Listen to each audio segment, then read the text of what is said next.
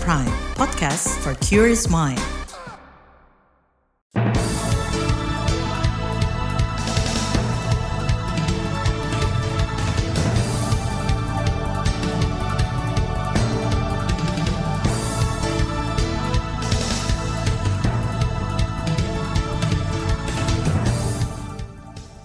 Selamat pagi saudara, senang sekali kami bisa menjumpai Anda melalui program Buletin Pagi edisi Jumat 10 Maret 2023. Bersama saya Naomi Liandra. Sejumlah informasi pilihan telah kami siapkan di antaranya. Fonis ringan terdakwa Kanjuruhan menuai kritik. Meski reses, DPR bakal rapat membahas putusan penundaan pemilu. Lima polisi jadi calon seleksi penerimaan Bintara dihukum demosi. Inilah buletin pagi selengkapnya. Terbaru di buletin pagi. Saudara pengusutan tragedi Kanjuruhan 1 Oktober tahun lalu memasuki sidang putusan. Salah satu terdakwa tragedi Kanjuruhan yaitu Abdul Haris difonis penjara satu setengah tahun. Bekas ketua panitia pertandingan Arema FC itu dinyatakan lalai dan terbukti bersalah hingga menyebabkan 135 orang meninggal dan ratusan orang terluka. Fonis itu dibacakan Ketua Majelis Hakim Pengadilan Negeri Surabaya, Abu Ahmad Sidki Amsyah dalam sidang kemarin. Menjatuhkan pidana terhadap terdakwa oleh karena itu dengan pidana penjara selama satu tahun dan enam bulan. Fonis satu setengah tahun penjara ini lebih ringan dari tuntutan jaksa yakni enam tahun delapan bulan penjara. Di hari yang sama, hakim menghukum terdakwa lain, Suko Sutrisno, dengan hukuman satu tahun penjara. Suko yang menjabat security officer pertandingan Arema FC melawan Persebaya itu dinyatakan terbukti lalai hingga menyebabkan ratusan orang tewas. Fonis itu juga jauh lebih ringan dari tuntutan jaksa sebelumnya, yakni enam tahun delapan bulan penjara. Sementara itu, tiga terdakwa lain dari kepolisian belum difonis dan sidang masih berlanjut hari ini dengan pembacaan duplik.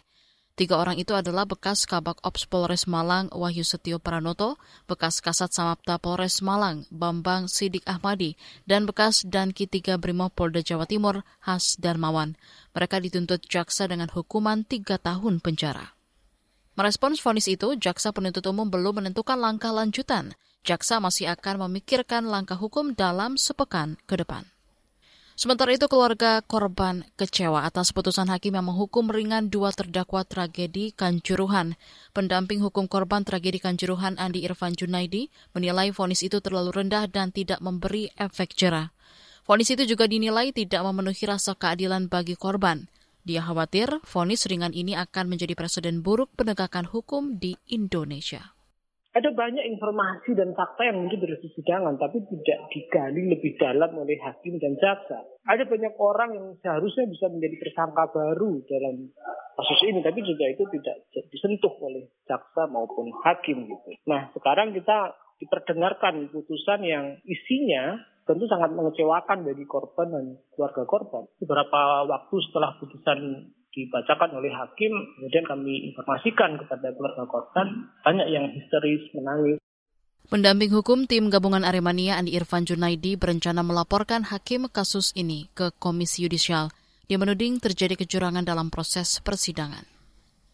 Menanggapi vonis itu, Komisi Bidang Hukum DPR berencana memanggil Komisi Yudisial untuk meminta keterangan terkait pemantauan persidangan tragedi Kanjuruhan – Anggota Komisi Hukum DPR Santoso mengatakan pemanggilan merupakan bentuk pengawasan DPR dalam penegakan hukum saya kira menjadi kewajiban Komisi Yudisial ya, yang memang tugasnya menilai tentang integritas atas putusan-putusan yang dilakukan oleh hakim itu. Komisi 3 ini dalam hal-hal terkait dengan penegakan hukum dan hak asasi manusia, jika memang itu dinilai tidak sesuai dengan ketentuan, tidak sesuai juga dengan kepatutan yang harus dilakukan oleh aparat penegak hukum, termasuk juga para hakim, saya kira akan menjadi agenda dari Komisi 3 untuk melakukan fungsi pengawasan pengawasan terhadap mitra-mitra kerjanya dalam hal ini Komisi Yudisial. Anggota Komisi Hukum DPR Santoso juga mempertanyakan integritas dari jaksa di kasus Kanjuruhan. Dia menduga jaksa tengah melindungi sejumlah pihak dalam kasus ini. Santoso mendesak Komisi Kejaksaan bergerak menguji integritas jaksa dalam menuntut para terdakwa. KBR telah mencoba menghubungi juri bicara Komisi Yudisial Miko Ginting untuk menanyakan pemantauan persidangan tragedi Kanjuruhan. Namun Miko tidak bersedia melayani permintaan wawancara dari KBR. Ketua Komisi Kejaksaan Barita Simanjuntak juga tidak merespons permintaan wawancara dari KBR. Saudara, kalangan ahli hukum pidana menilai vonis terhadap dua terdakwa Kanjuruhan sangat ringan. Guru Besar Ilmu Hukum Pidana dari Universitas Islam Indonesia UII Yogyakarta, Muzakir, menilai bobot hukuman yang dijatuhkan seharusnya bisa lebih berat.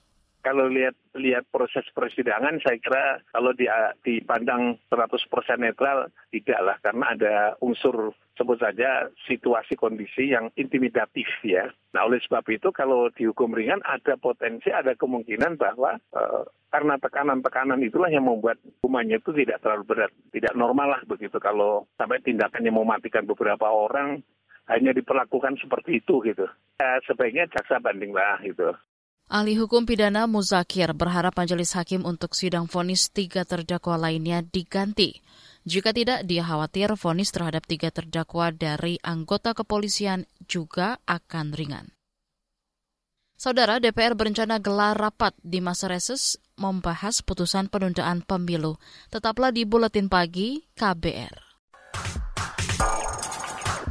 You're listening to KBR Pride, podcast for curious mind. Enjoy!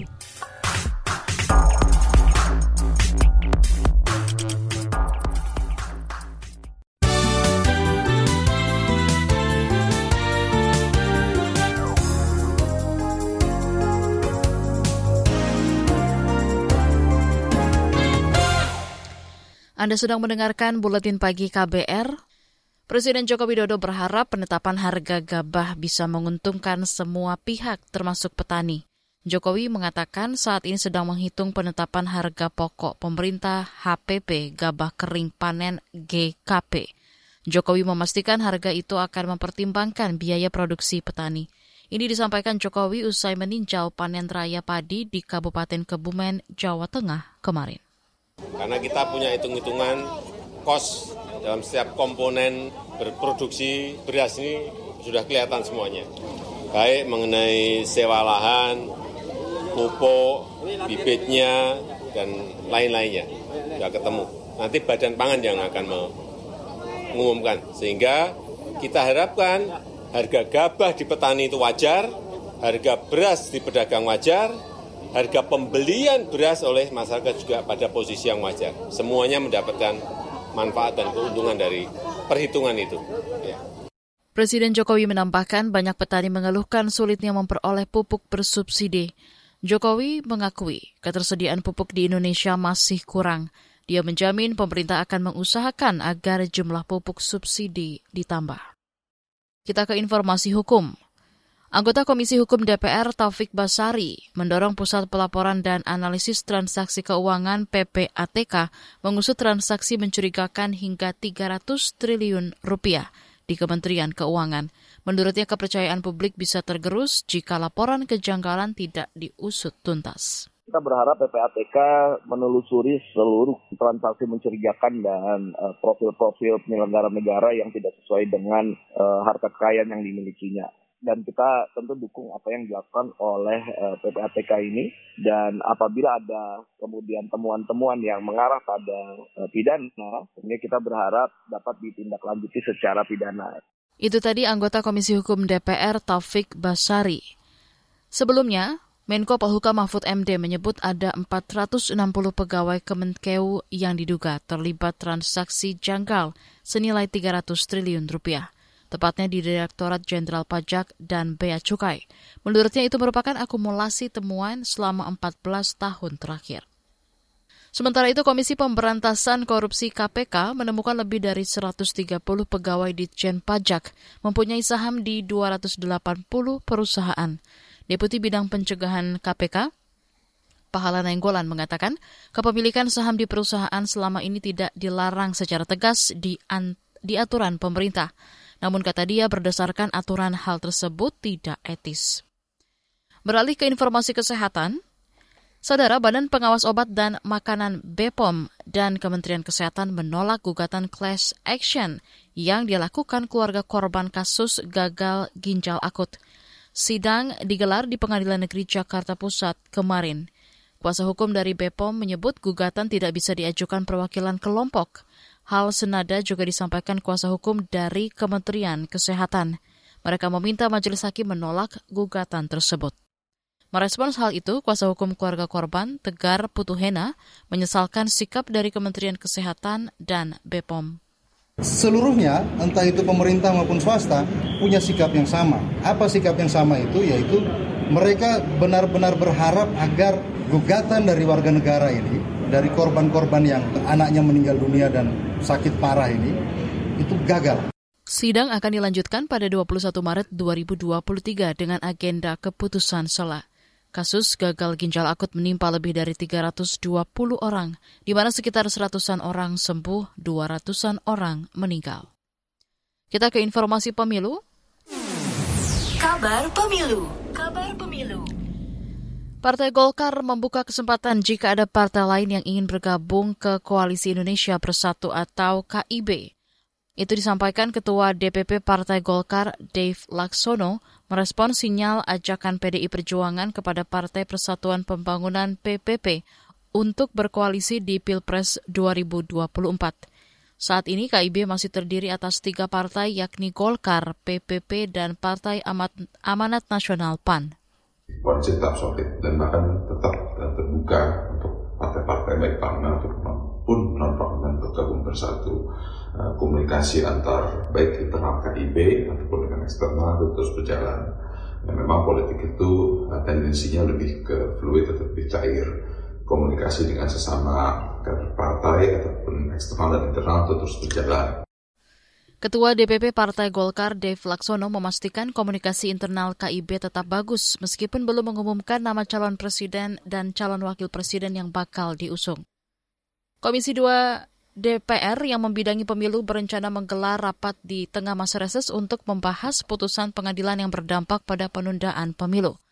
Putusan itu dikeluarkan Pengadilan Negeri Jakarta Pusat atas gugatan Partai Rakyat Adil Makmur Prima terhadap Komisi Pemilihan Umum KPU. Rencana rapat itu disampaikan Wakil Ketua Komisi Kepemiluan DPR Juni Mart Girsang. Namun jadwal rapat masih menunggu persetujuan dari pimpinan DPR. Sementara itu, anggota Komisi Kepemiluan DPR Gus Pardi Gaus mengatakan rapat perlu digelar karena kondisi saat ini sudah cukup mendesak. Ya kalau pimpinan yang ngomong bisa saja karena beliau menginisiasi karena kondisi dewasa ini sangat mendesak untuk kita lakukan uh, kejelasan dan jalan keluar terhadap putusan pengadilan negeri Jakarta Pusat itu. Kalau seandainya ada gagasan itu, tentu saya memberikan apresiasi kepada pimpinan gitu. Sebelumnya, Majelis Hakim Pengadilan Negeri Jakarta Pusat memerintahkan KPU untuk tidak melaksanakan sisa tahapan pemilu 2024. Hakim memerintahkan KPU memulai tahapan pemilu dari awal yang memakan waktu 2 tahun 4 bulan, yang artinya berkonsekuensi pada penundaan pemilu. Putusan ini memenangkan gugatan perdata yang diajukan Partai Rakyat Adil Makmur Prima kepada KPU. Partai Prima mengugat KPU karena dinyatakan tidak memenuhi syarat sebagai parpol peserta pemilu 2024.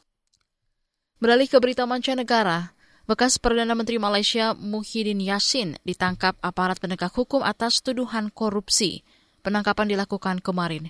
Dilansir dari CNN, Muhyiddin ditahan usai diperiksa Komisi Anti Korupsi Malaysia. Dia bakal menjalani dakwaan terkait korupsi, penyalahgunaan kekuasaan, dan pencucian uang pada hari ini. Dengan dakwaan ini, Muhyiddin akan menjadi bekas PM kedua yang didakwa korupsi setelah Najib Rajak. Najib sebelumnya dihukum 12 tahun penjara. Beralih ke berita olahraga, Menteri Pemuda dan Olahraga Menpora Zainuddin Amali resmi menyerahkan surat pengunduran diri ke Presiden Joko Widodo. Surat itu disampaikan Zainuddin melalui Menteri Sekretaris Negara kemarin.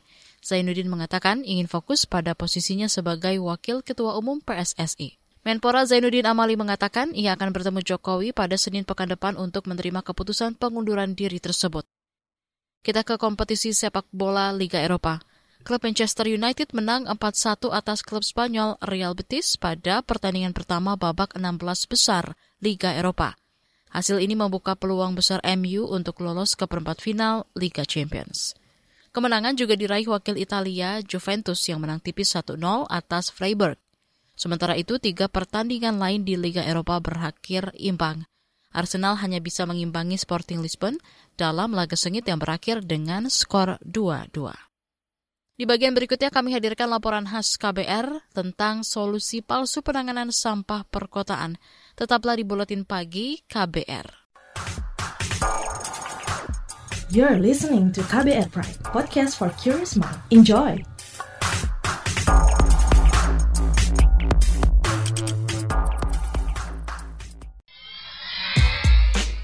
Follow social media KBR. Twitter at Berita KBR, Instagram at KBR.id, Youtube Berita KBR.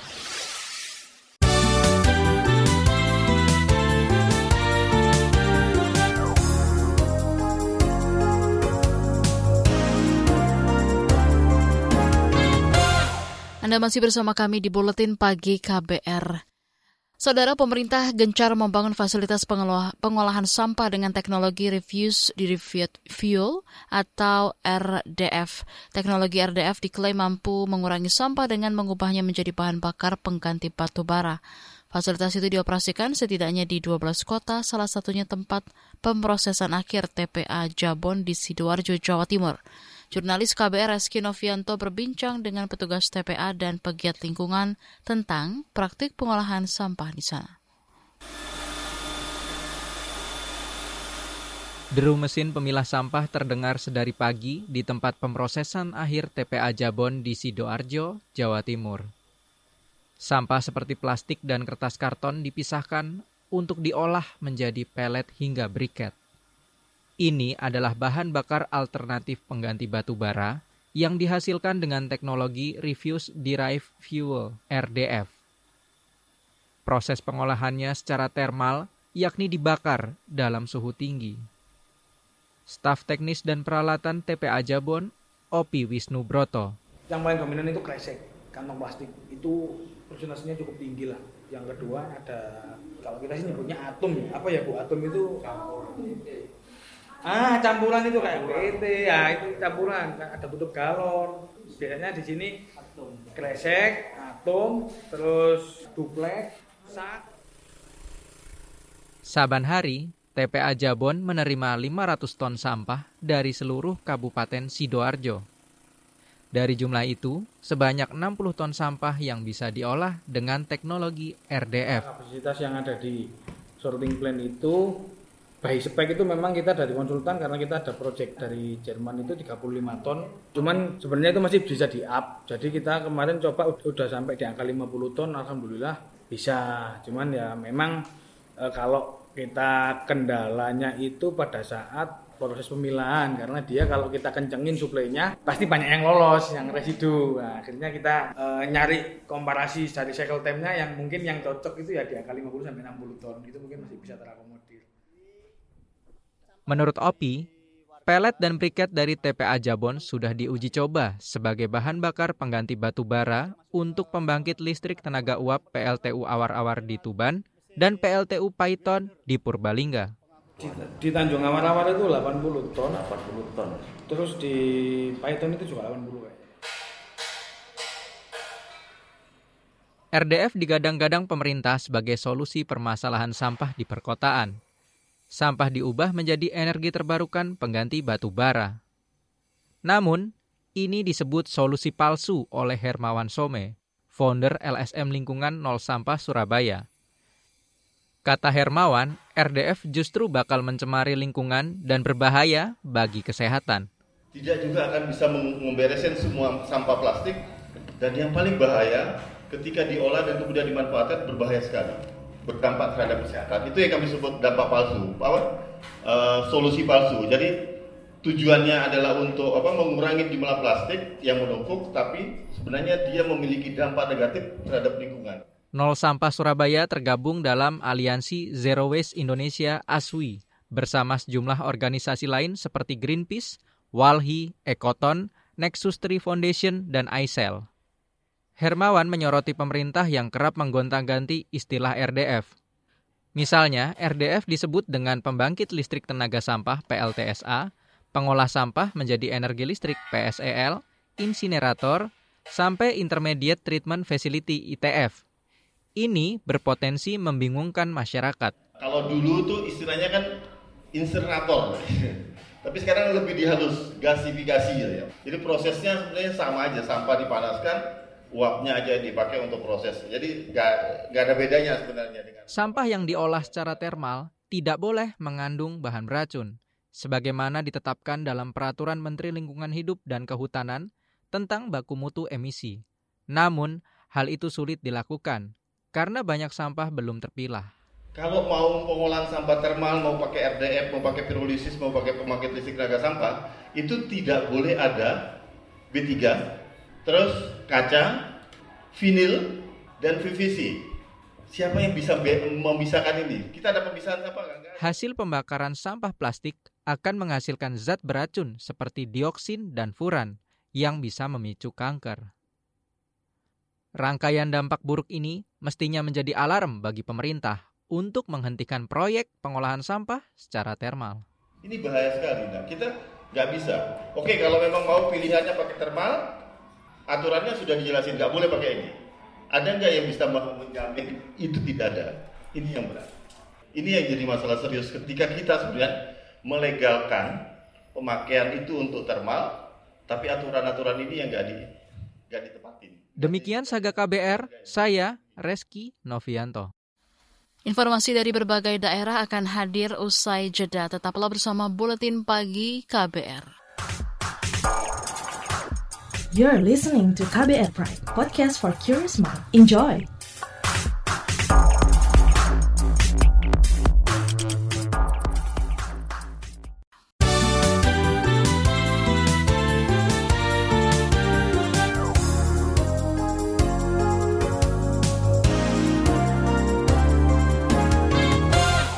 Inilah bagian akhir buletin KBR. Kita ke Jawa Tengah. Lima anggota polisi yang menjadi calo penerimaan Bintara Polri 2022 di Semarang tidak dipecat. Mereka hanya mendapat sanksi hukuman demosi dua tahun. Juru bicara Polda Jawa Tengah Iqbal Al-Kudusi mengatakan sanksi administratif diberikan usai anggotanya terbukti melakukan tindakan korupsi, kolusi, dan nepotisme KKN.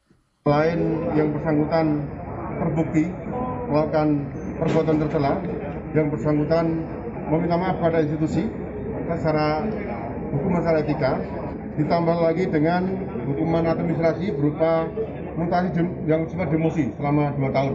Kemudian terhadap barang bukti yang sudah dilakukan OTT. Juri bicara Polda Jawa Tengah Iqbal Al-Dukusi mengatakan Lima polisi yang terbukti menjadi calo yakni dua orang berpangkat kompol, satu orang berpangkat AKP, dan dua lain yang merupakan bribka. Kita ke Kepulauan Riau. Badan Nasional Penanggulangan Bencana BNPB mencatat ada 24 korban longsor di Pulau Serasan, Natuna belum ditemukan. Bencana itu terjadi pada Senin lalu. Berikut pernyataan Kepala BNPB Suharyanto dalam konferensi pers kemarin. Per hari ini update-nya yang ditemukan jumlah korban yang meninggal tercatat ada 30 orang. Sehingga yang masih dicari ada 24 orang. Kemudian untuk jumlah pengungsi masih tetap tercatat 1.216 orang tersebar di tempat atau titik-titik pengungsian. Kepala BNPB Suharyanto mengatakan jaringan komunikasi di sekitar lokasi longsor sudah pulih. Saat ini tim gabungan masih membersihkan akses jalan yang terputus. Setelah itu secara bertahap akan dilakukan perbaikan jaringan listrik. Informasi tadi menutup jumpa kita di Buletin Pagi hari ini. Pantau informasi terbaru melalui kabar baru, situs kbr.id, Twitter di akun @beritaKBR, dan juga podcast di kbrprime.id. Saya Naomi Liandra bersama tim yang bertugas undur diri. Salam.